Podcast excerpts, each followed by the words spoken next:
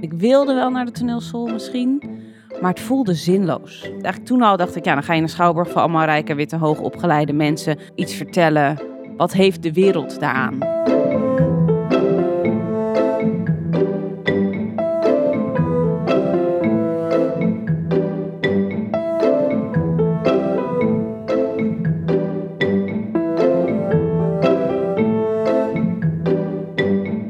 Welkom bij de podcast Theater heeft geen zin, maar ik wel. Ik ben Leonie Koelman. Ik ben theatermaker en bestuurskundige. Ik ben Jascha Dikker, filosoof, jurist en theaterliefhebber. In deze podcast gaan we op zoek naar het antwoord op de vraag: Wat is de waarde van theater voor de maatschappij?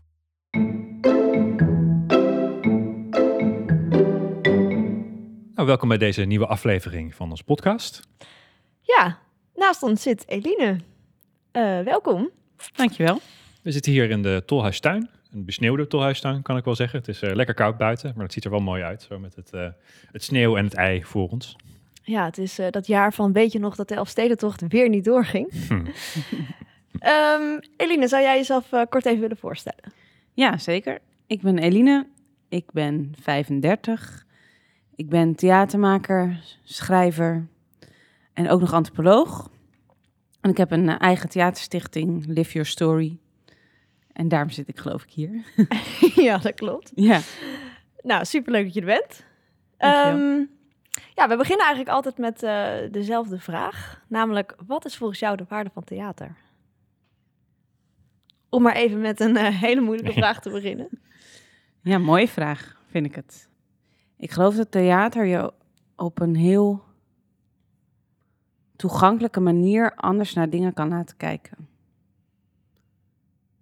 Dus dat je, de- dat je de wereld even door de ogen van iemand anders kan zien, kan ervaren, kan beleven.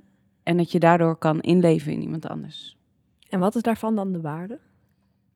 Nou, dat je kan inleven in een ander of plaatsen in een ander, eh, kan je denk ik ook meer begrip hebben voor de ander. Ja, het- daar, vrede op aarde is daar volgens mij het uiteindelijke doel van.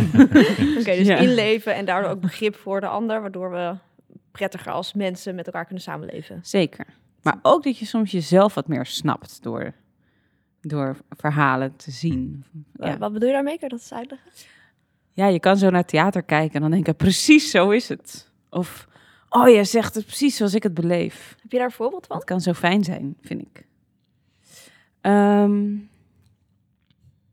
het zit soms ook heel erg in taal. Er is een voorstelling die heb ik gezien, echt al wel een aantal jaar geleden, van Oostpol. En die had de titel Wat het lichaam niet vergeet. En die zin, die popt soms zo nog bij mij op. Als er iets is waarvan ik denk, waarvan ik dan zelf denk, ik heb dit al lang verwerkt. Maar dat mijn lijf dan ineens nog zo iets aangeeft. En dan heb ik altijd in mijn hoofd wat het lichaam niet vergeet. Oh, wauw, dus dat was eigenlijk niet eens de voorstelling zelf, maar de titel van de Ja, voorstelling. maar ook natuurlijk de hele beleving van dat stuk en waarmee ik daar dan zat, dat dat zo is bijgebleven bijvoorbeeld. En wat doet dat dan met je? Dus je zegt van, dat, daar heb ik een soort herkenning bij of zo. Maar wat, wat levert dat dan op voor jou? Misschien mildheid, soms mildheid naar jezelf, soms ook een aanzet tot actie. Ja, kan ook gewoon heel veel energie krijgen van mooi theater. Aan een kick en denken, ah, ja, zo, zo ja, heel energiek daaruit komen uit een voorstelling. En denk ik, ga de wereld veranderen. zo, het zet gewoon aan tot actie, ja, snap je wat ik bedoel? Dat vind ik wel interessant. heb je daar, kan je daar voorbeeld van geven? Nou, ik had bijvoorbeeld altijd heel veel een soort zelfcensuur. Toen ik net begon, toen ik op toneelschool zat. Want heel vaak dacht ik, nou, dit is allemaal een keer gedaan. Ja, dit hebben anderen allemaal gedaan. Ja. Hoef ik niet meer, leuk bedacht, maar er zit eigenlijk niemand op te wachten, is toch al gedaan. En toen zag ik de voorstelling Pubers bestaan niet, van Koopgieterij en Ontroerend Goed. En daar was een pleidooi van een puber, die naar het publiek riep... Alles is gedaan, maar niet door mij. En dat was eigenlijk vooral een oproep aan de, aan de generatie voor haar en aan de ouders. Want de ouders willen natuurlijk hun kinderen behoeden voor om in valkuilen te stappen waar ze zelf al in zijn gestapt. En zij zei, je hoeft me niet te behoeden, want ik heb die fout nog niet gemaakt en ik wil hem Ja. zelf maken. En dat, nou, dat is ook zo'n zin die me heel erg bij is gebleven. Zo'n soort mantra oproep. geworden. Alles is gedaan, maar niet door mij. Dus Ja. ik kan het gewoon doen, want als ik het doe, is het altijd anders dan als iemand anders het doet. Ja. Ja. Het is wel een mooi voorbeeld. En eigenlijk laat het ook zien dat de mens ook weer keer op keer dezelfde fouten moet maken. Omdat dat jou tot mens maakt. Of zo. Dus Ja. het hoort ook bij mens zijn misschien. Ja. Daarin. Oké. Misschien is het wel leuk als je iets meer wil vertellen over Live Your Story. En het ontstaan daarvan en wat je daarmee beoogt. Ja. Ik was in, eh, ik, had ik studeerde culturele antropologie. Eigenlijk al vanuit dezelfde motivatie om me te verdiepen in wat mensen drijft en waarom mensen dingen doen zoals ze doen. En ik ging naar Guatemala om daar eh, mijn afstudeeronderzoek te doen. En ik deed een afstudeeronderzoek naar theatergroepen die voorlichting geven over AIDS. En ik ging met twee groepen, één, dansgroep en één clownsgroep, ging ik mee op tournee door het land. En mijn onderzoek ging eigenlijk over naar, eh, naar de beleving van de acteurs. En toen, eh, maar ik ging steeds meer meedoen. En ik ging ook na de voorstelling condooms uitdelen en met mensen spreken. En ik zag zo, daar zag ik zo de waarde van theater. Ik wilde eigenlijk al als, als puber al heel graag, of als, als, eigenlijk deed ik altijd al toneel. En ik wilde wel naar de toneelschool misschien, maar het voelde zinloos voor mij toen, toneel. Ik dacht, ja, dan ga je in een schouwburg, Ja. voor allemaal, eigenlijk toen al dacht ik, ja, dan ga je in een schouwburg voor allemaal rijke, witte, hoogopgeleide mensen Mm. Ja. iets vertellen. Wat heeft de wereld daaraan? Ja. Ik had al echt als kind, ik had ook vroeger een club en die heette de Goede Bandjes. en dan ging ik altijd geld ophalen voor pandaberen. Weet, ik was altijd al echt eigenlijk een activist op mijn manier. en ik wilde gewoon dat theater zinvol was. En ik zag niet zin, ik zag toen niet de zin van de elitaire kunstvorm die theater in mijn ogen was. En daar in Guatemala gingen we met theater naar gevangenissen, naar het leger, naar de politieacademie, naar scholen, naar dorpspleinen, naar ziekenhuizen. En zij streken gewoon overal neer met enorm veel lef. En ze gingen gewoon daar staan en die voorstelling spelen. En daar kwamen langzaam de soort straattheater. En dan kwamen er langzaam mensen op af. En daardoor werd het gesprek geopend. En doordat ze die theatervorm inzetten, hadden ze daarna een basis waarop mensen zeiden: hey, mag ik wat vertellen? Eh, mijn zus is, heeft eigenlijk ook aids. Of eh, ik ben zelf heel bang om het te krijgen. Of wat dan ook. En ik zag gewoon daar werd een basis voor een gesprek gelegd. Mm. En toen ik thuis kwam en ik zat mijn eh, eh, eh, onderzoeks, mijn, mijn scriptie te schrijven. Toen dacht ik, ja, nou zit ik hier allemaal wetenschappelijk bewijs te zoeken en allemaal onderzoek te doen. Past dat echt bij mij? En toen voelde ik gewoon van, hé, maar die vorm van theater, die, die zou hier in Nederland ook heel goed werken. Ja. En toen ben ik naar theaterschool gegaan. Dus Wat eigenlijk ben ik met het, met het gevoel van nu snap ik wat, is, wat de waarde van theater is. Zeg is je openingsvraag heel Ja. mooi. Toen ik inzag wat de waarde van theater was, toen dacht ik, oké, ik ga die stap zetten en ik ga zelf Ja, het op. onderdeel van jouw leven worden. Ja, Ja. ja. Dus ik ben met die je de basis van antropologie. ervan zag, Ja, ging je, heb je toch de stap gemaakt. ja, en toen ben ik naar, het, naar eh, ja, ben ik theater maken en docentopleiding gaan doen in Utrecht. Wij zijn eh, bijna niet in theater te vinden. En heel veel op heel veel andere plekken in het land. We brengen het echt juist naar mensen toe. Ja, want vertel, wat voor plekken staan jullie allemaal? Ja, we staan heel veel op ehm, scholen. Middelbare scholen heel veel, vanaf de brugklas. Ook mbo's, hbo's. eh, voetbalclubs. We hebben nu een voorstelling gemaakt samen met de KNVB. Die in eh, voetbalkantines gaat spelen als die straks weer open zijn. Tof. Ja, Groen als Eh, gras heet die, geloof ik, toch? nee, hij heet Ik wou dat het weer weekend was. Oh, Ja. Verkeerde. We hebben ook een droom van gras. Hm. Ja, die bedoel jij denk ik. En die gaat over, ook over sport, LHBTQI in sport. Ja, dus we spelen nu natuurlijk online, maar bij gemeentes, ehm, jeugd, gesloten jeugdinstellingen. Ja, allerlei plekken. Tof. ja. Ja. En Live Your Story gaat, betekent natuurlijk letterlijk leef je verhaal. En het gaat dus voor mij heel erg over het delen van verhalen. En ook het door je verhaal te delen eigenlijk trots kunnen worden op dat verhaal. En anderen inspireren om ook hun, hun verhaal te vertellen. Maar om je verhaal te kunnen vertellen moet je het eerst durven leven. Ik zou het wel gaaf vinden om homonologen en misschien later nog één of twee andere voorstellingen even als voorbeeld te gebruiken. Dat je daar wat meer over vertelt, over hoe het eh, tot stand is gekomen. En daarna misschien ook, eh, misschien dat je ons kan meenemen in een aantal publieksreacties bijvoorbeeld. Of ervaringen die je hebt gehad daarmee op scholen. Of andere plekken. Homonologen ging ik maken toen mijn vrouw zwanger was van eh, onze zoon, onze oudste zoon. En ik me bewust was dat hij ook straks uit de kast moet gaan komen. Nu dus eigenlijk, hij is inmiddels zes. Uit de kast moet gaan komen over dat hij twee moeders heeft. En twee vaders in zijn geval. En dat dat niet eh, de norm is. En dat mensen in zijn wereld er standaard vanuit zullen gaan. Dat hij een vader en een moeder heeft. Al dan niet gescheiden misschien. Want dat Ja. hoort inmiddels ook behoorlijk tot de norm. maar dat zijn eh, gezinsconstructie eh, niet, ja, niet is wat mensen automatisch verwachten. En mensen gaan met heel veel aannames Ja. in contact met anderen. Dus zal hij vaak zelf moeten vertellen. Bij mij thuis is dat anders. Terwijl het voor hem zijn waarheid is, want hij is ermee geboren. Dus voor hem is het in Ja. eerste plaats de norm. De norm. En Ja. ergens gaat hij erachter komen dat dat niet eh, voor anderen zo is. En toen voelde ik me heel, eh, heel erg, had ik een soort enorme drive om te zorgen dat tegen de tijd dat hij dan in, naar de middelbare school zou gaan, dat dat zo geaccepteerd zou zijn. Dat hij eigenlijk niet meer daarom gepest zou kunnen worden of veroordeeld zou kunnen worden. Of dat continu zou moeten vertellen, omdat mensen van het tegenovergestelde uit zouden gaan. Dus het was echt, en dat denk ik wel bij al mijn voorstellingen, zit ook een hele grote persoonlijke drijfveer achter waarom ik het belangrijk vind Ja. om dat te vertellen. Maar het is persoonlijk en je maakt het tegelijkertijd maatschappelijk. En je trekt het persoonlijke naar een breder perspectief. Dat is denk ik ook de waarde van theater. Dat je, dat wat, dat je een persoonlijk verhaal ja, breder kan trekken en zorgen dat meer mensen zich erin herkennen en toe kunnen verhouden. Ehm, Kun je eens iets vertellen over homonologen? Wat voor soort voorstelling het is? Ja, homologische voorstelling met zes jonge personages. Gespeeld door zes jonge spelers. Die zich heel erg in die verhalen herkennen. Ja, en het zijn allemaal verhalen over hoe jongeren ehm, seksuele diversiteit beleven. Of van hunzelf of van iemand in hun omgeving.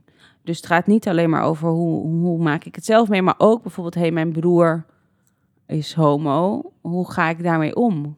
Is hij nog precies hetzelfde? Verandert het iets in onze relatie? Of eh, ja, hoe is het voor ouders als een kind uit de kast komt? Eh, hoe is het voor klasgenoten, voor vrienden? Dus het gaat heel erg ook om, om, de, om hoe ga je ermee om? Waar heeft iemand iets aan? En het zijn hele toegankelijke, grappige verhalen. Het is echt dus bedoeld om het gesprek daarna daarover te openen. En meer kennis te geven van hoe je iets beleeft, maar ook wat, eh, ja, welke kleuren er allemaal zijn, zeg maar. Ja, want ik kan me Ja. herinneren dat er een aantal coming-outs worden eh, nagespeeld. Ja, Eigenlijk verschillende vormen waar ouders heel heftig reageren of juist heel begripvol, ja, onder andere. ja, klopt. Eh, en, en jullie voeren daarna dus ook echt het gesprek met de klas. Dus echt onderdeel van de voorstelling is een nagesprek. Altijd. Ja. Kun je daar iets over Dat doen we ook soms met anderen die daar ook heel goed in zijn. Oh ja. Omdat ik heel erg geloof, als je hetzelfde doel hebt, kan je beter samenwerken. Mhm. Dus heel vaak ook spelen wij de voorstelling en zijn er bijvoorbeeld voorlichters van het COC of van een antidiscriminatiebureau. Ah ja. Die daar ook heel goed in getraind zijn en die dan samen met de spelers eh, een na gesprek of een workshop geven. En kan je iets vertellen over, over, heb je bijvoorbeeld een voorbeeld waarvan je zegt, nou daar hebben we echt, echt impact gehad of echt iets veranderd of in gang gezet bij jongeren in zo'n klas? Ja, heel veel. daar gaat deze podcast Ja. over. Dus ik ben heel benieuwd of je, of je een paar voorbeelden hebt van, nou daar hebben we iemand echt op een ander denkspoor gezet of daar werkt het helemaal niet. Of eh, ja, om het even concreet te maken voor de luisteraars. Ja, nou bijvoorbeeld een ehm, voorstelling waarbij een meisje na afloop zei, vertelde eigenlijk dat haar beste vriendin had verteld dat ze lesbisch was. En toen vroegen we aan haar, wat heb je toen gedaan? En toen zei ze, eerlijk gezegd heb ik haar laten vallen. Eerlijk. Ja, Zo, ja. ja, en heb ik echt afstand genomen, want ik was gewoon te bang dat mensen dachten dat ik ook lesbisch was als ik met haar gezien werd.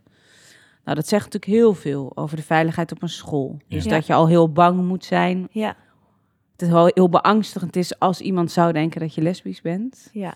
En dat dat dus zo beangstigend is dat je daarvoor iemand anders die, die jou iets persoonlijks stelt, laat vallen eigenlijk. Maar het mooie was dat ze dat door de voorstelling realiseerde.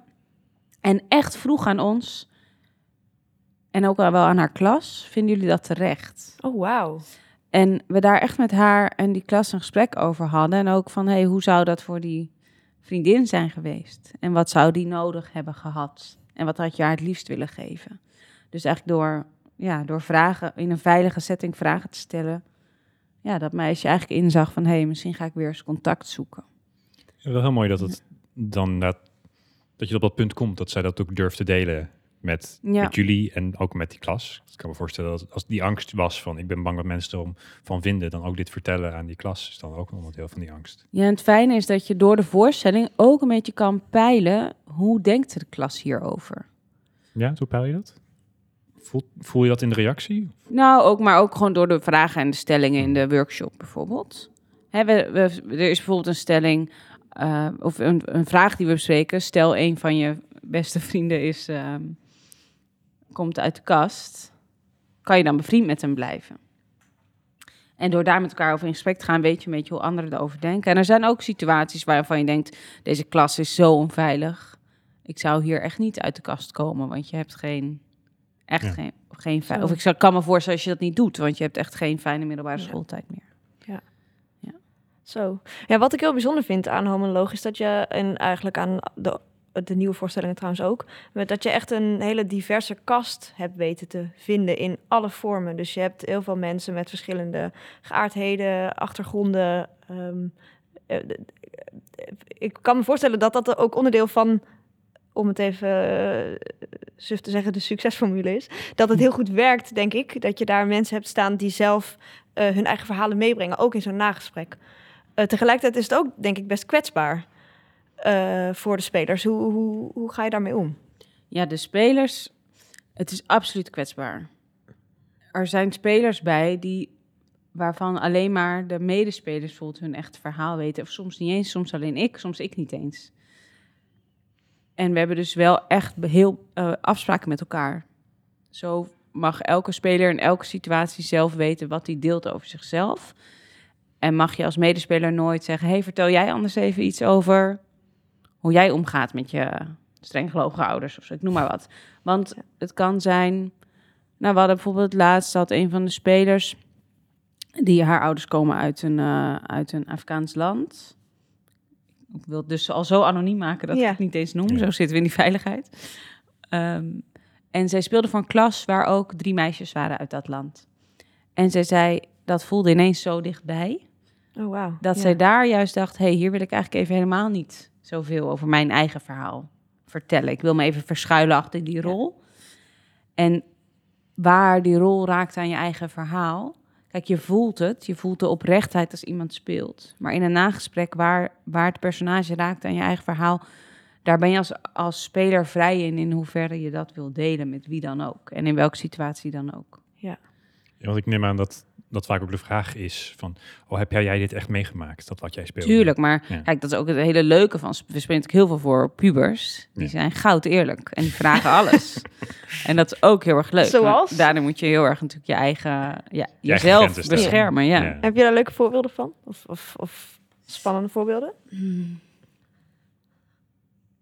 Misschien het gekste wat iemand gevraagd heeft? Ja, het gaat natuurlijk allemaal over seks. Het gekste gaat natuurlijk allemaal over seks. ja, ja, of het is niet gek, seks is niet gek. Maar ik bedoel, het meest directe. Ja. Ja. Ja, maar ook, ehm nou, er zit bijvoorbeeld een jongen, ehm, meerdere, maar een jongen bij de groep waar ik aan moet denken, die, die komt uit Turkije en hij is, eh, hij is homo. En hij vertelt daarover in een voorstelling. En na de voorstelling, eh, als we voor, voor eh, jongeren met een islamitische achtergrond spelen, dan vaak drommen die echt om hem heen samen. Om hem daar vragen over te stellen. En daar, ben ik, daar neem ik dan ook heel bewust afstand van. Maar dat is voor hem wel een verantwoordelijke positie of zo. Ja. En hij zegt ook bijvoorbeeld, ik zou liever daar met hem wel een gesprek gehad. Hij is bijvoorbeeld zelf thuis niet uit de kast. Hij wil dat niet aan zijn ouders vertellen. Hen daar eigenlijk niet mee belasten. Leg ik misschien hem woorden in de mond, maar in ieder geval zij weten dat Mhm. niet.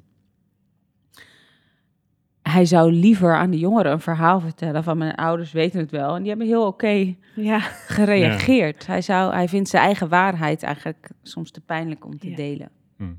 Nou, dat zijn wel kwetsbare dingen. Ja. Daar hebben we het dan gewoon veel heel erg ruimte om met elkaar daarover te hebben. Ga ik even weer terug naar mijn eigen leven. Want onze jongste zoon, die heeft een eh, vader, uit eh, een zwarte vader.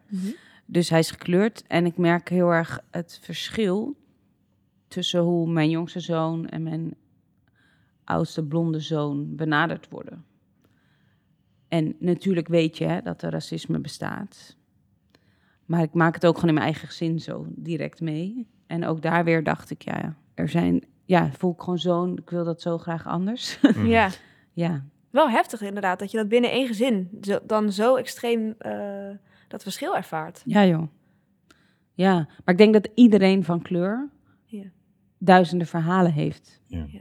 En ik ben niet van kleur, maar ja, ik heb een zoon van kleur en ik eh, voel me daar heel verantwoordelijk voor. Ja. En kun je eens vertellen hoe je dat dan hebt eh, gebruikt, eigenlijk die energie om daar een voorstelling van te maken? Ja, je hebt in ook van hele dus ook van cast, hun, ja. ja. dus ik eh, hoor natuurlijk ook hun verhalen en ik zie hun ervaringen en ik zie reacties op scholen. op En, en ja, gewoon. eh, en, ik, en ik had inmiddels gewoon die formule natuurlijk van, die, van homonologen, die beviel heel goed. En toen dan was, ja, had ik zin om nog iets te maken. Volgens dat idee. En dat idee is dan zo echt pop-up theater. We zeggen al, decor moet mee kunnen op de fiets met een van de spelers. We gewoon overal kunnen neerstrijken. Het max een lesuur duurt. En eh, we persoonlijke verhalen erin verwerken. Het zijn natuurlijk wel thema's waarin je het ook de goede, de goede dingen wil zeggen. Ik vond grote verantwoordelijkheid, omdat je zulke belangrijke thema's aankaart.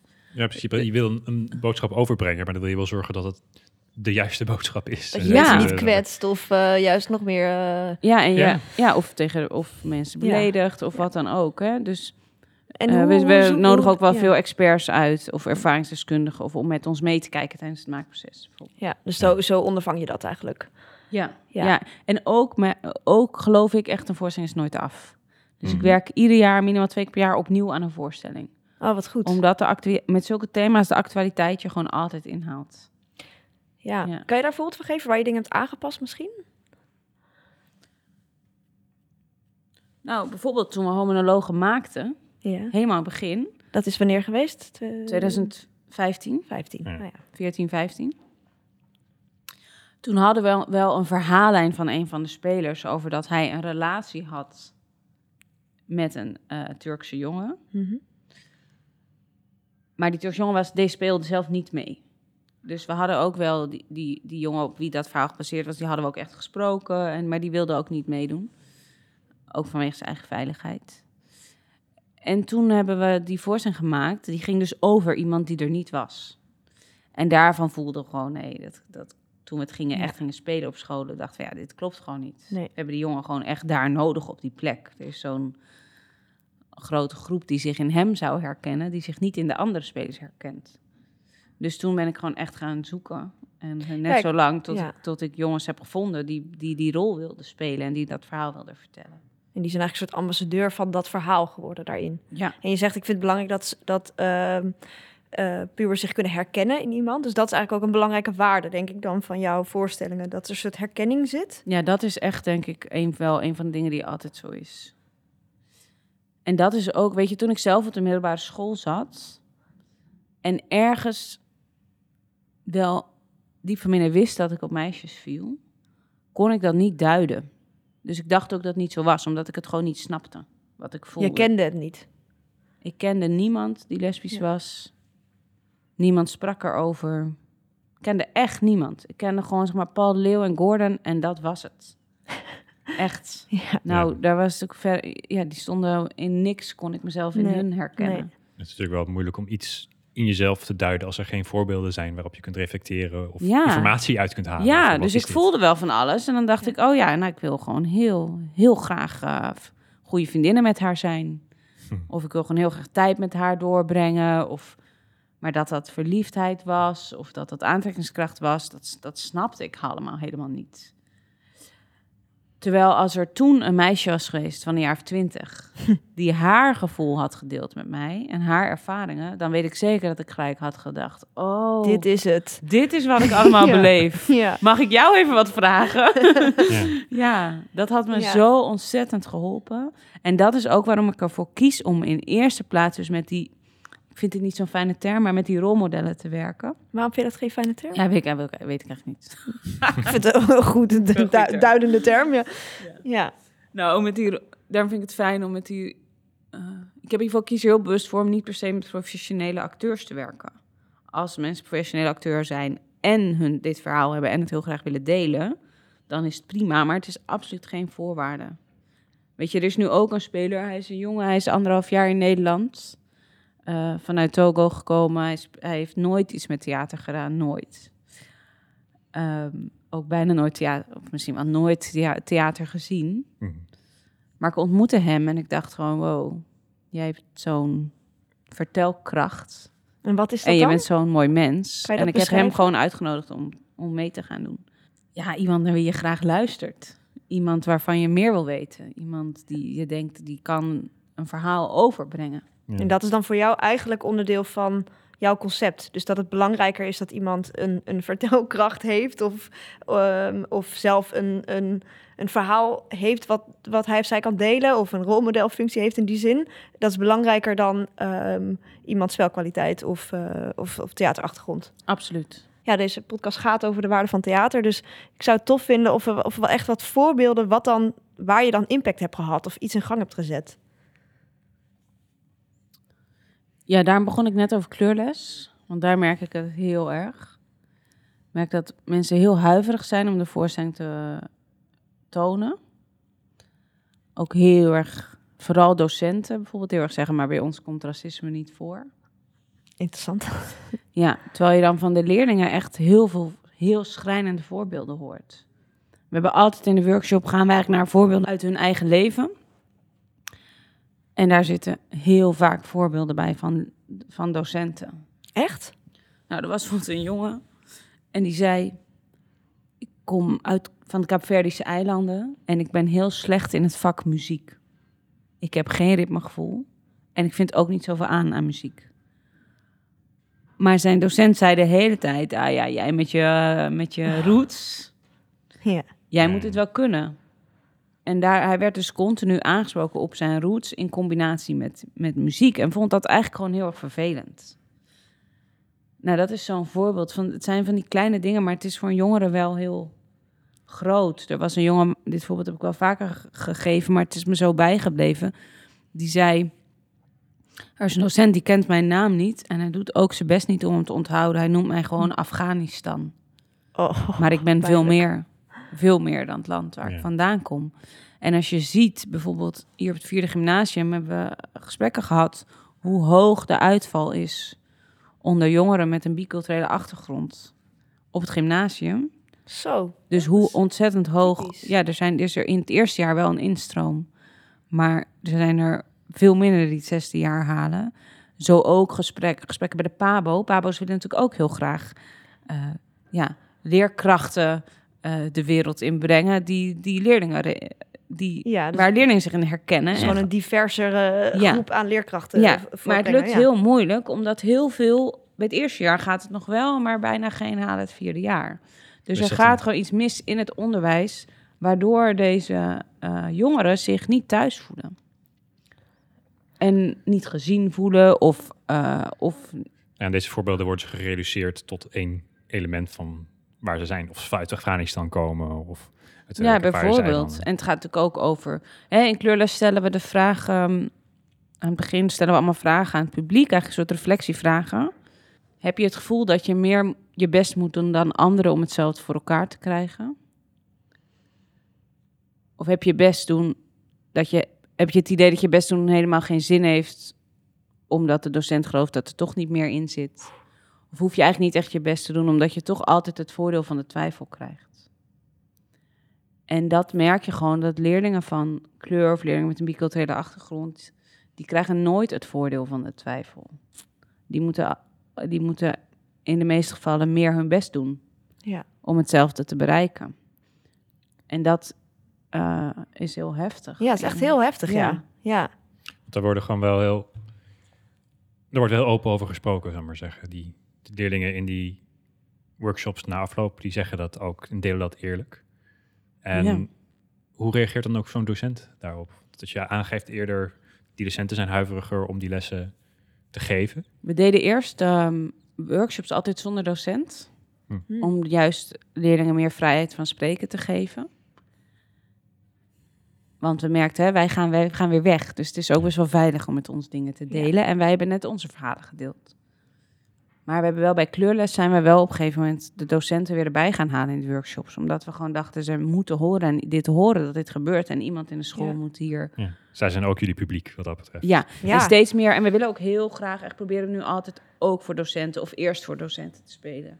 Want het kan pas wezenlijk iets veranderen in een school als de docenten bereid zijn mee te veranderen. Oh joh, wat goed. Ja. Ja. Heb je daar bijvoorbeeld van? Misschien van een docent die, je op, die, die iets teruggaf van... goh, ik ben er nu anders naar gaan kijken of anders naar, door gaan handelen?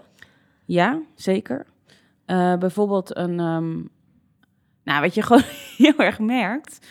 Voor mij is het zo vanzelfsprekend, maar ik blijf me daarover verbazen.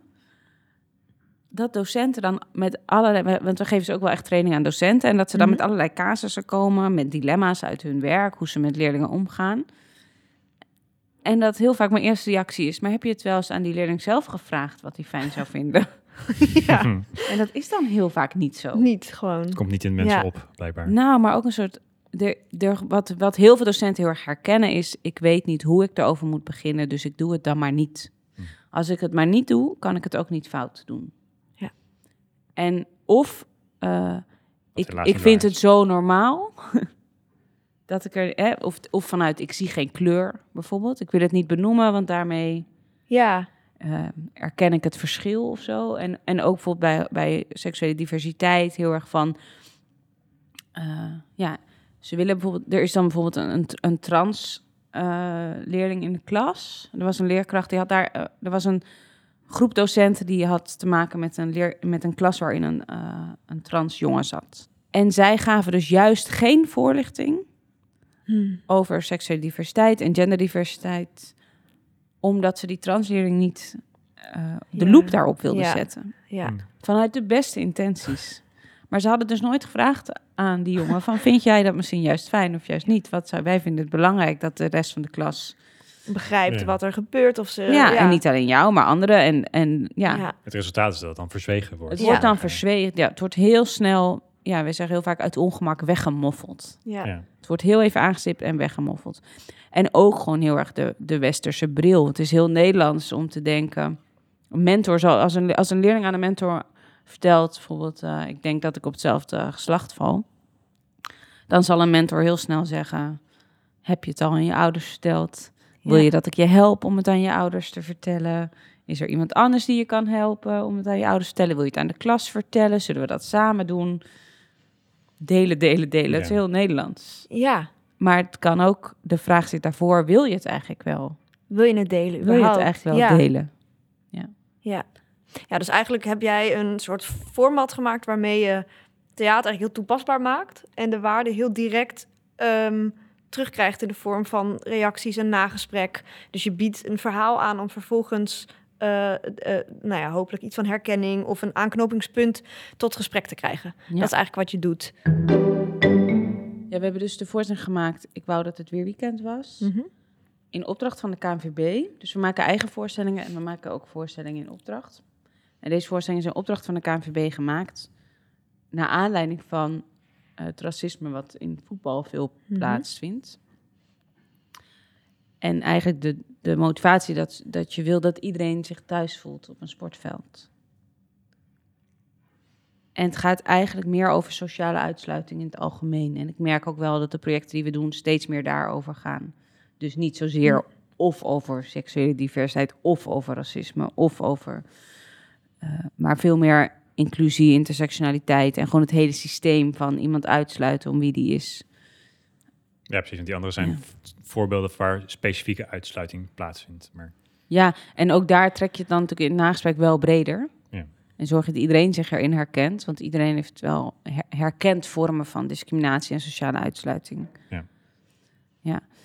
Ehm, maar die, die voorstelling is af. Alleen hij eh, zou afgelopen april een première gaan. Oh, dus je hebt Oh. hem nog nooit gespeeld? nee, hij zou Oh, afgelopen april een première gaan. En toen gingen de, mm, natuurlijk eh, alle Ja. voetbalkantines dicht. En toen hebben we hem in september afgemaakt en ook gespeeld voor allemaal bestuurders. Dus er is een officiële première geweest. Van de KNVB of zo? Of ja, van voetbal? ja, eh, procesbegeleiders van de Ah, tof. KNVB Oh, wat die bij clubs werken.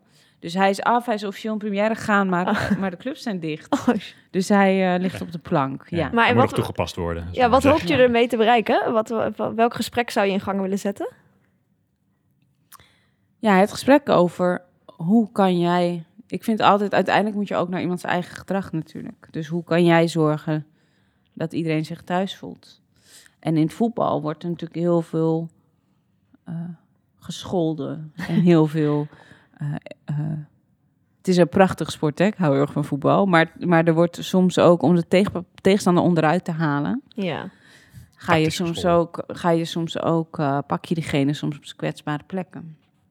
Ja. Ja, dat is onderdeel Ja. van de strategie, zeg maar. Ja, en er gaan, en bewust of onbewust, en er gaan echt mensen verloren voor de sport, die zich gewoon niet thuis voelen. Thuis voelen daar. Ja, Ja. dus dat is het gesprek wat je eigenlijk op bestuurlijk niveau eh, bespreekbaar wilde maken. Maar ook echt op, op teamniveau, gewoon met spelers zelf. Tof.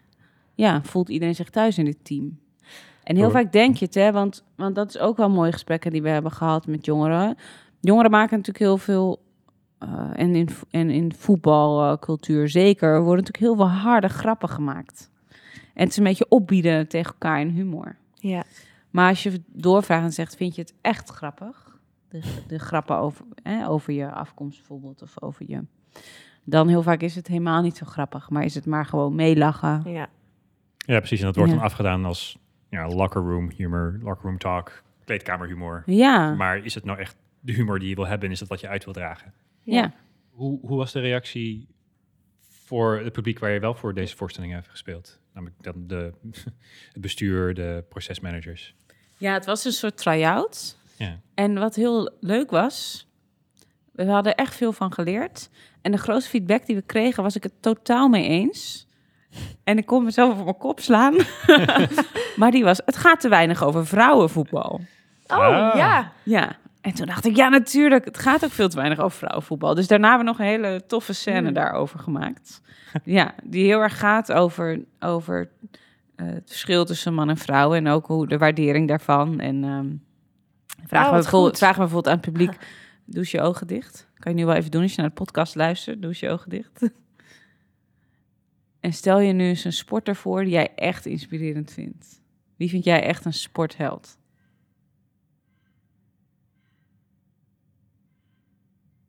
En wie zag er nu automatisch een man voor zich? Ik niet. Ik wel. Maar ik ben niet zo'n sporter, dus Nee, dat ik helpt niet mee. was zoeken naar, eh, wat zijn überhaupt ook weer sporters? Nee, Precies, maar we spelen dit voor sporters. Ja. Hè? Ja. Maar nou ja, dus we hebben een scène over vrouwenvoetbal, hele grappige scène, maar ook waarin we gewoon echt een aantal vrouwelijke sporthelden. Nou, in de Nederlandse elftal, voetbalelftal zitten een aantal vrouwen die ook, eh, ook uitkomen voor hun geaardheid en dat gesprek nog op gang proberen te brengen. Ja, ook dat. Ja. Ja, Ja, want je gaf al aan dat, dat, dat je pubers zijn heel open en heel direct eh, wat dat betreft. Hoe is dat dan inderdaad met nou ja, volwassen mensen? Ja, het zijn eigenlijk twee dingen. Want we gaan vaak met volwassenen in gesprek over hoe zij met jongeren omgaan. En dan merk je gewoon, dan is er gewoon soms een beetje een generatiekloof.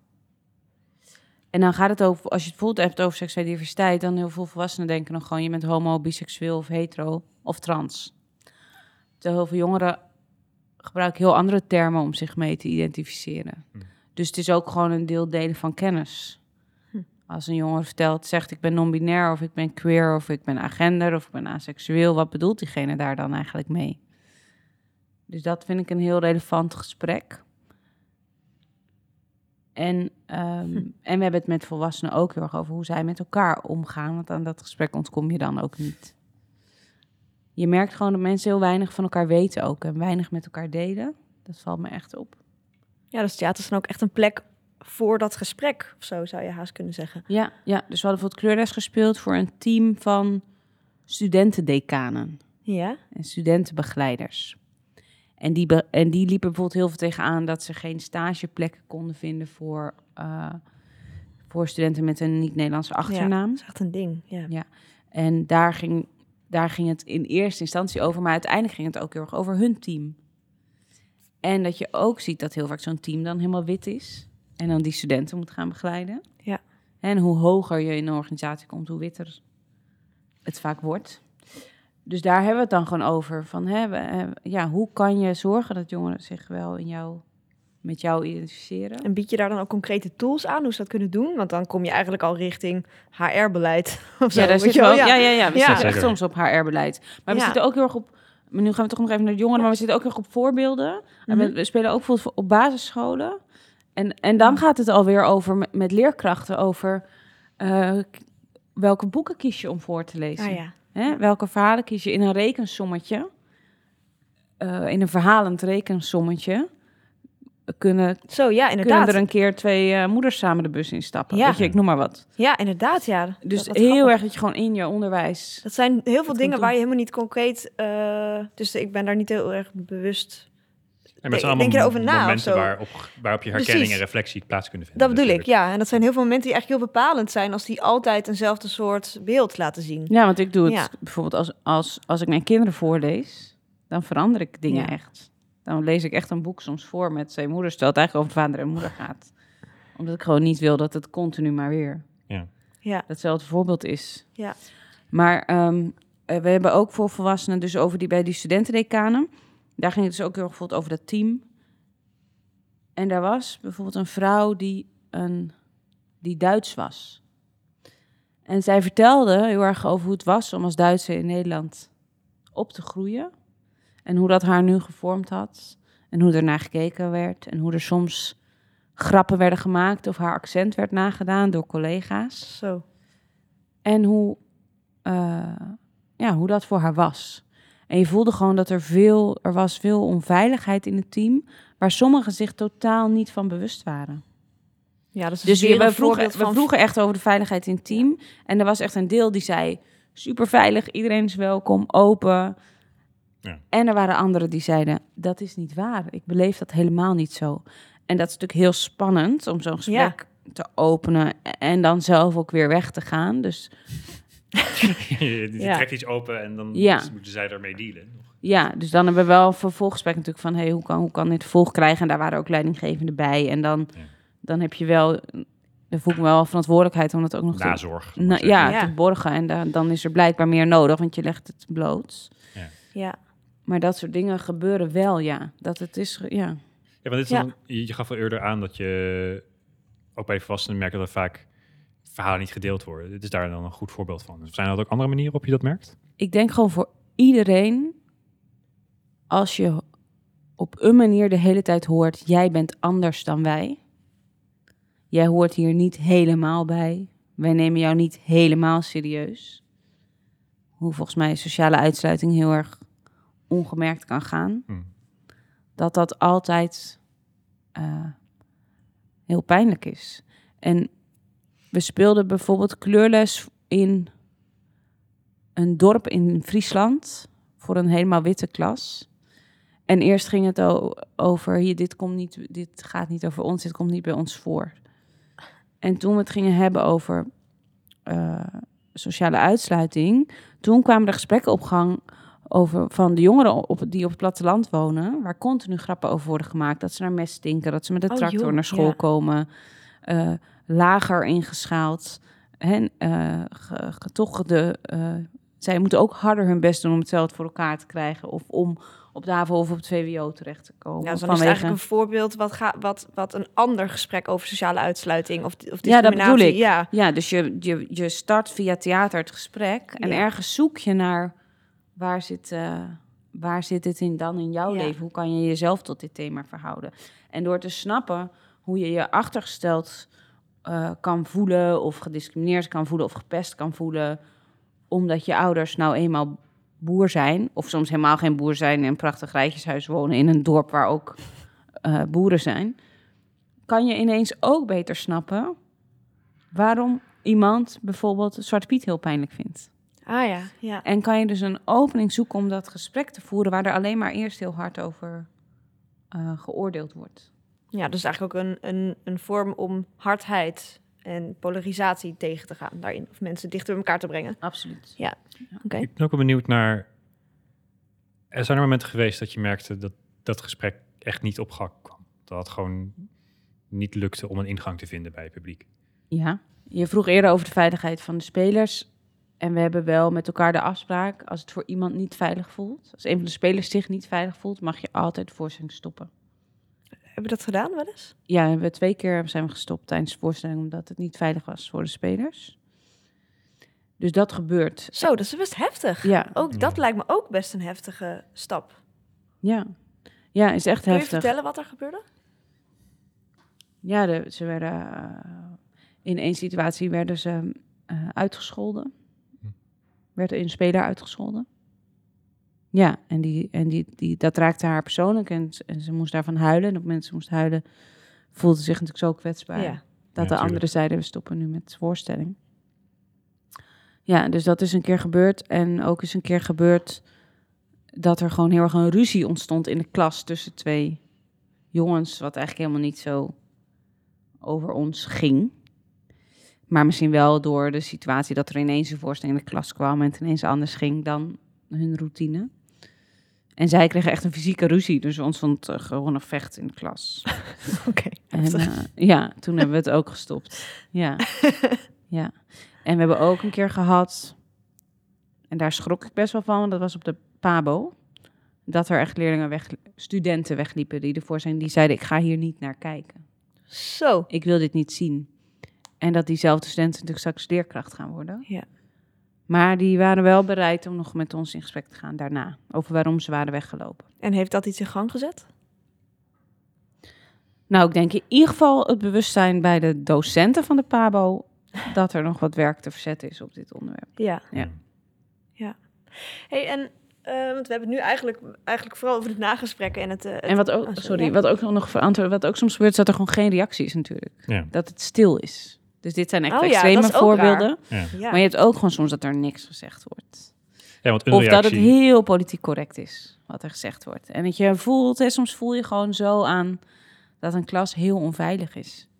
Ja, want in zekere zin is een, een reactie, hoe heftig dan ook, is tenminste nog een reactie. Dan is er in ieder geval iets in, in werking gezet of wat positief is. Nou, dat, dat weet ik van een specifiek voorbeeld niet. Maar inderdaad, het lijkt me een, een afsluitende geen reactie.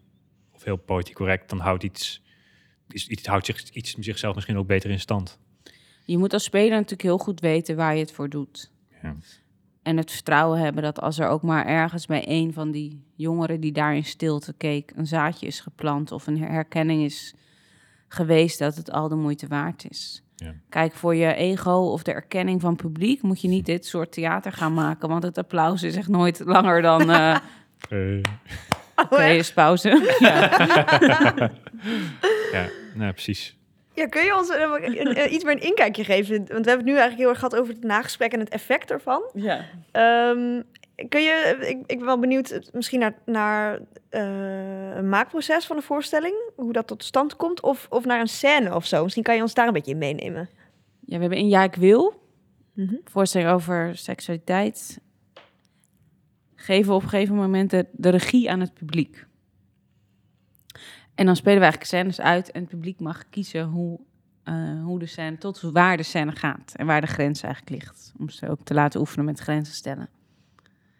En dat is dus heel erg interactief. En ook spannend, want Heel je weet spannend. niet... Je weet, we hebben natuurlijk wel de scenario's klaar liggen. van als ze dit zeggen, speel je dat. Als ze dit zeggen, speel je dat. Dus eigenlijk, eigenlijk het, het grenzen stellen heb je verwerkt in het theatrale concept. Ja. Ja, Ja. Ja. Waarbij de acteurs de poppetjes zijn in plaats van jijzelf in, in, in de slaapkamer, zeg maar, dat idee. Ja, ja. Dus dat is eh, heel, vind ik, een hele leuke, is voor de spelers ook een heel leuk scène om te spelen, maar ook heel spannend. En je hebt het publiek natuurlijk nodig. en je neemt best wel een risico daarmee, want als het publiek helemaal niks zegt, Ja, dan, Ja. dan wanneer stop je dan? Maar ook wat laatst een keer gebeurde, was dat het publiek echt super, zo, die, super streng was. Dus die vonden eigenlijk alles al te ver gaan, Oh, waardoor er bijna niks meer gespeeld kon worden. Want, want we hebben natuurlijk zo'n arsenaal, steeds een stapje verder, steeds een stapje verder.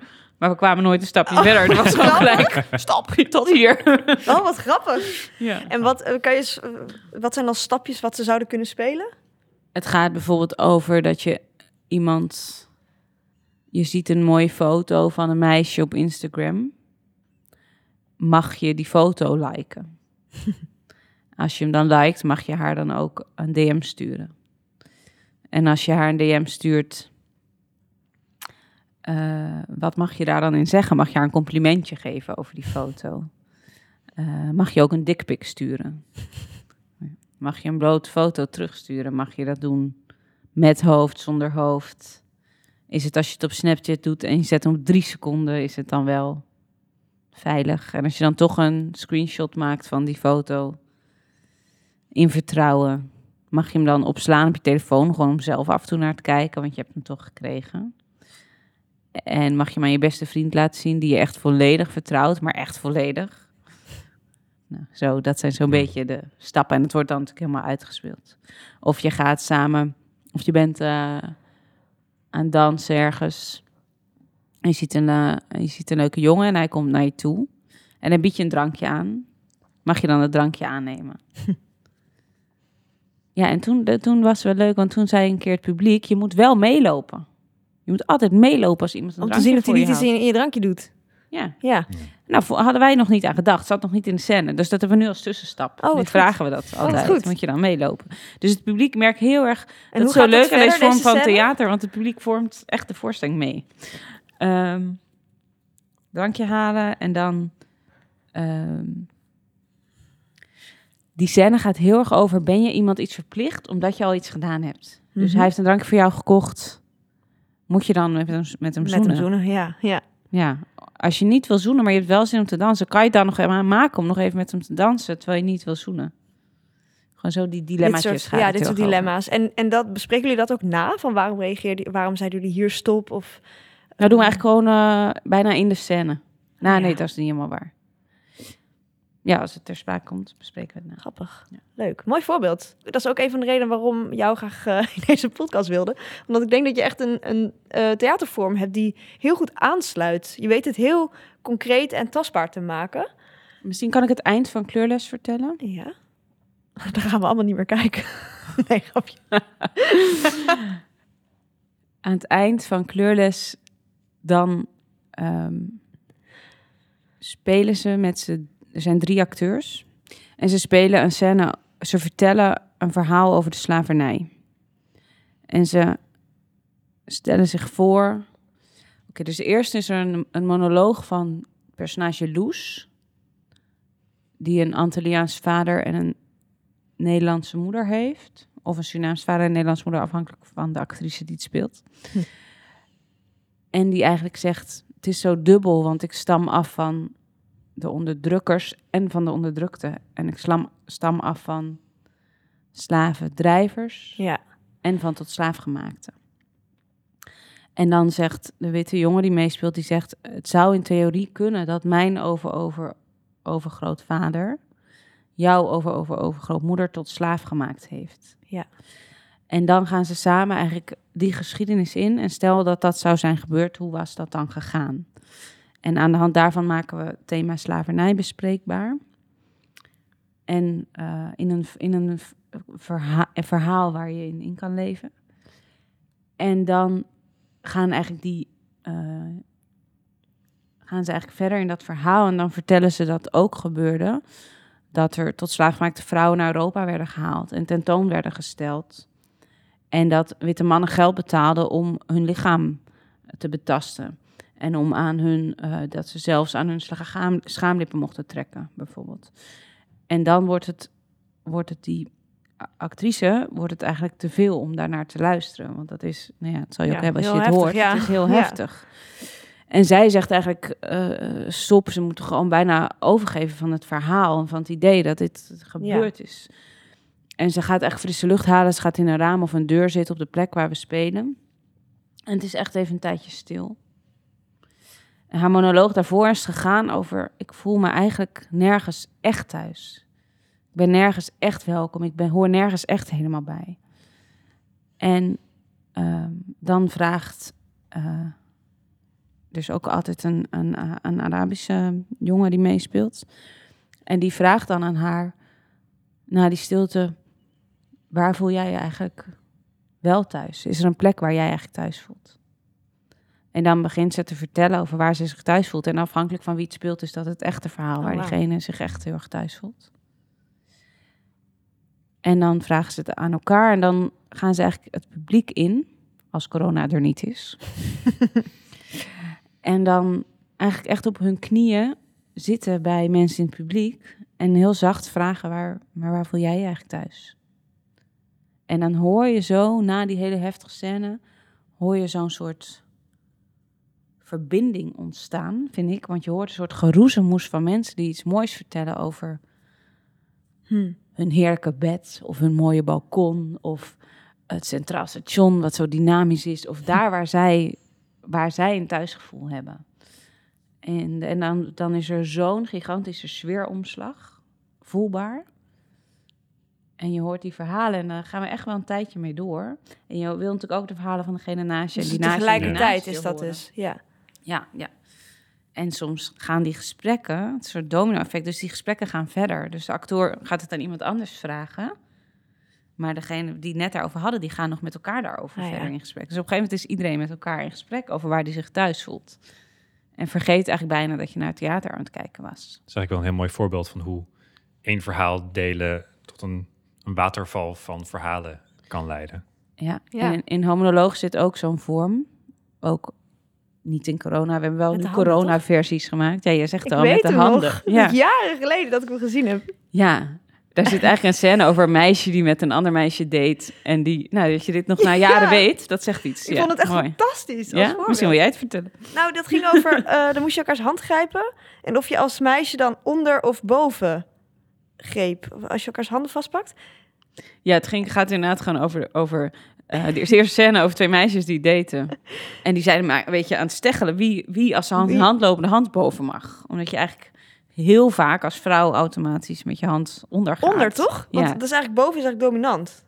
Of niet? Ja, zo kan je het zien. Maar in ieder geval is je lichamelijk, heb je het automatisme. We hebben veel vrouwen het automatisme om onder te gaan met hun Mhm. hand. In ieder geval als ze hand in hand lopen met een man. En andersom voelt het dan een beetje gek. Ja.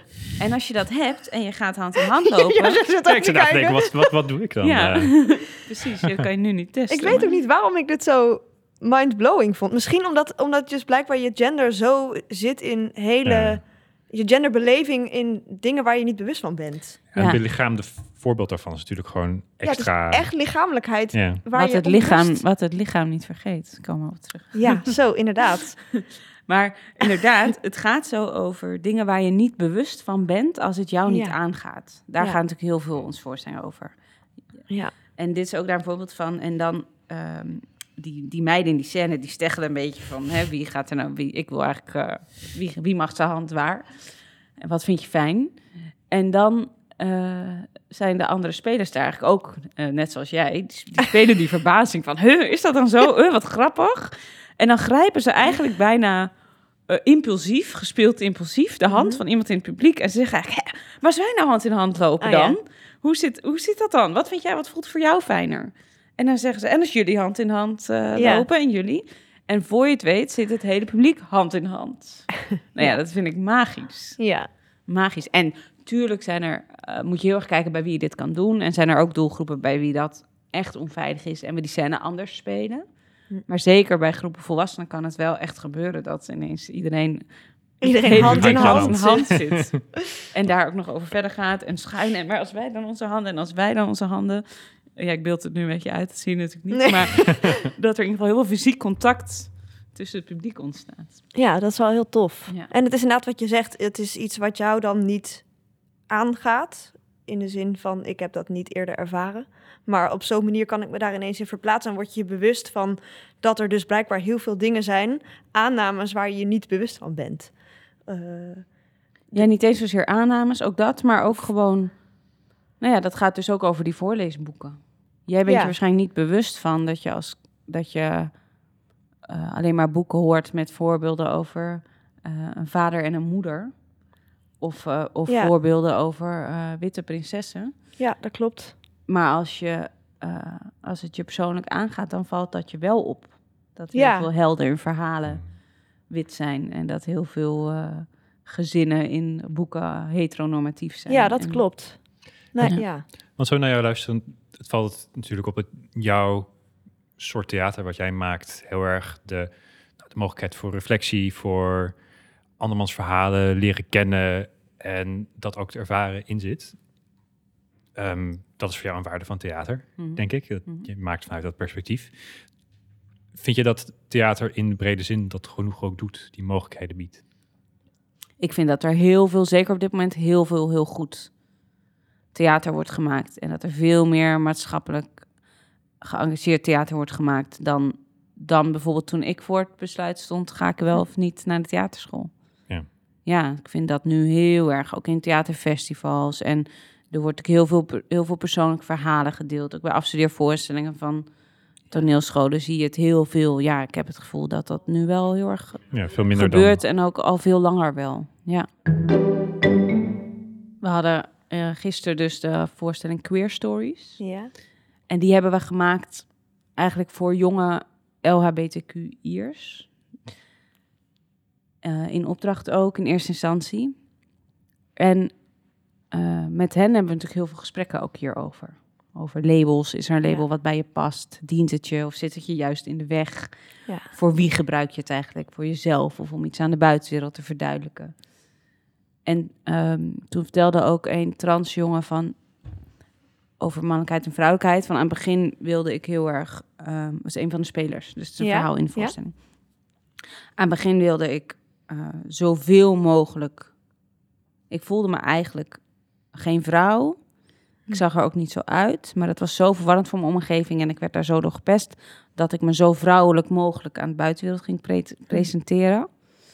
Tot ik dat echt niet volhield en het echt niet meer langer kon. Toen wilde ik zo mannelijk mogelijk zijn. Dus dat ik maar zoveel mogelijk eh, op een man, Hm. door een man gezien werd als de buitenwereld. En nu, nu ik eigenlijk mezelf eh, ge- geaccepteerd heb voor wie ik ben, zei hij. Nu durf ik er wat meer mee te spelen. Nu durf ik het wat meer los te laten. Nu durf ik eh, mijn haar lang te laten groeien. Nu raakt het me niet meer heel diep in mijn hart als iemand mevrouw tegen me zegt. Maar die, die is door zoveel fases heen gegaan voor die nu hier is, zeg Ja, maar. Ja. En door die fases moeten we ook met de maatschappij Ja. gewoon nog heen. Ja, ja, dat is een mooi voorbeeld. Dat eigenlijk Ja. waar een individu, individu doorheen gaat, moeten we als samenleving ook doorheen. ja. Ja, ja. Nou, ja, en wat ik zelf wel, in, in zoverre heb ik het misschien wel ervaren, maar dat was denk ik later in mijn puberteit.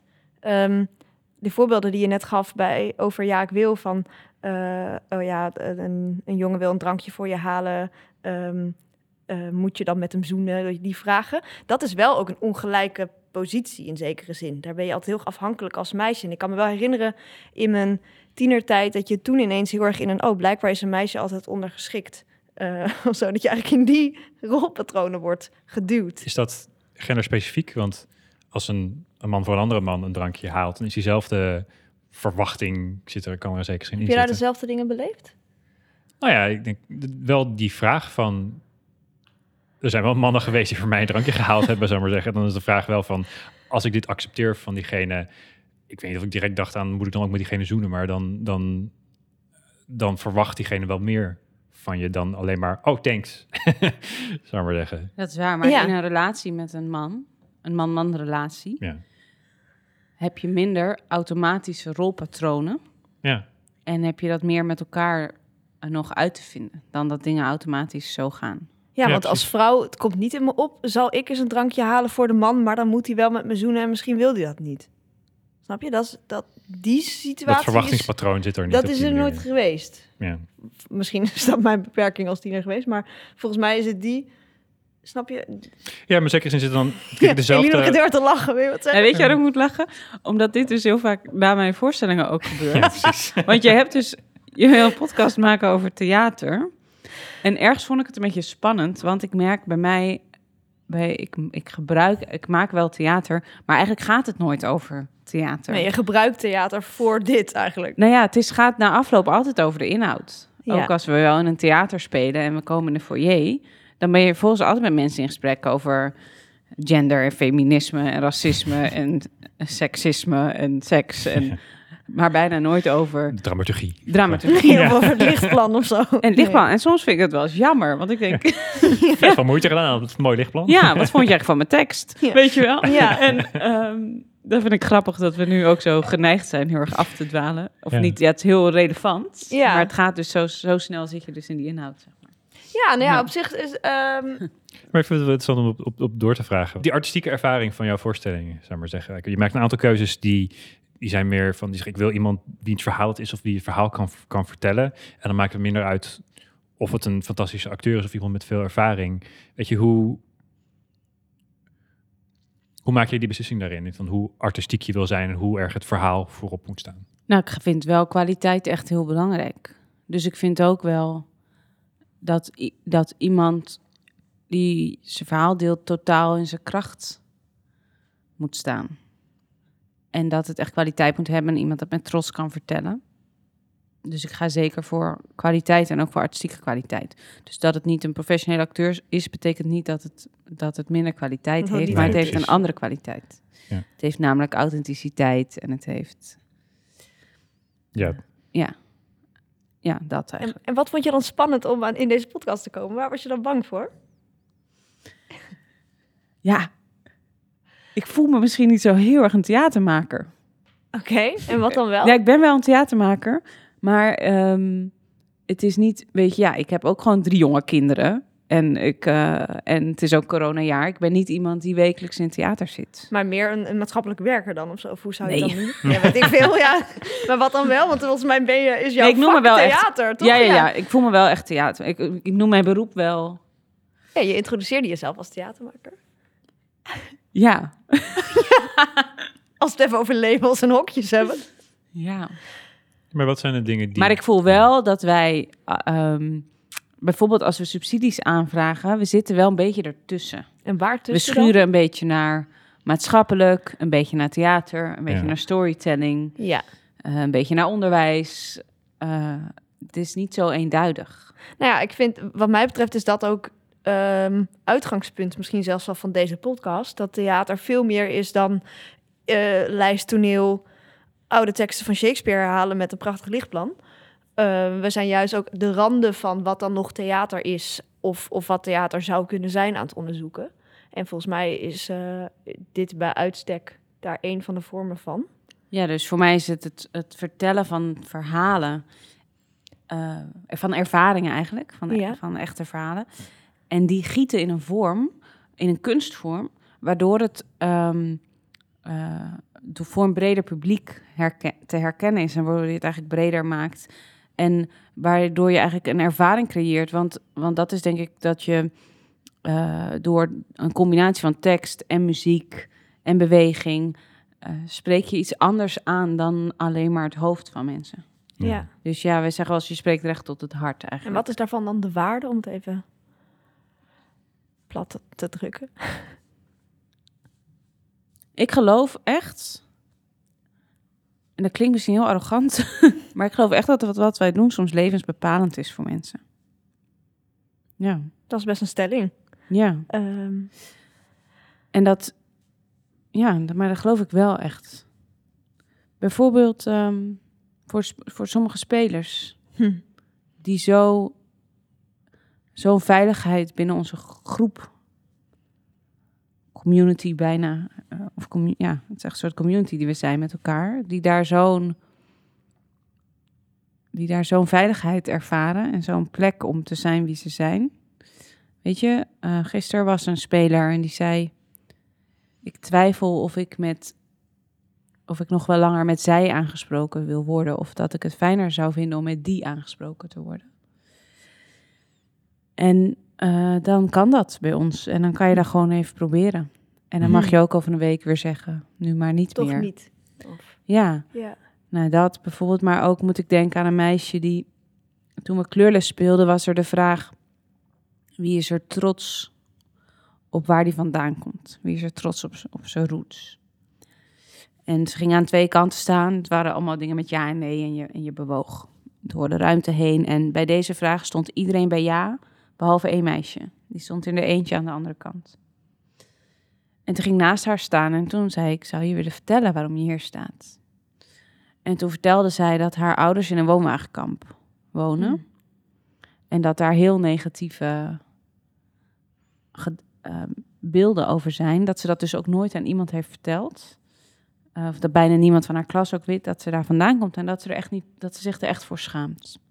Dat dat haar familie is. En toen ging ik een beetje doorvragen. En toen vertelde ze van ja, ja, eigenlijk stam ik af van zigeuners. En eigenlijk zijn mijn, is mijn familie heeft reizigersbloed. En dat heb ik zelf ook heel erg. Ik hou heel erg van reizen. En als ik straks mijn eh, middelbare school af heb, dan wil ik ook eh, een jaar gaan reizen. En ik keek naar haar en ik dacht, je bent dit eigenlijk met heel veel trots aan het vertellen. Dus ik zei, volgens mij schaam jij je eigenlijk helemaal niet ervoor. Volgens mij ben je eigenlijk misschien wel heel trots op dat Ja. reizigersbloed. En op dat je familie...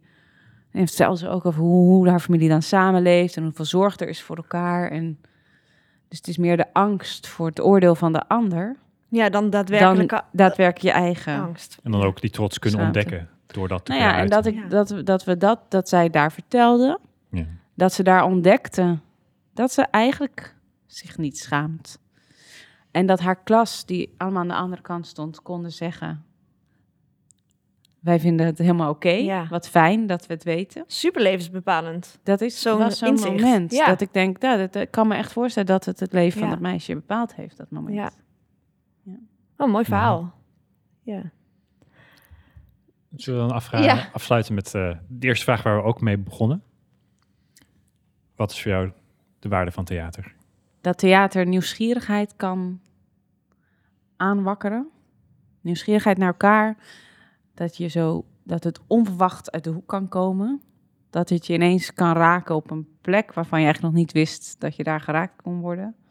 Of op een onderwerp waarvan je dat nog niet wist. Dat het je echt anders naar dingen laat kijken.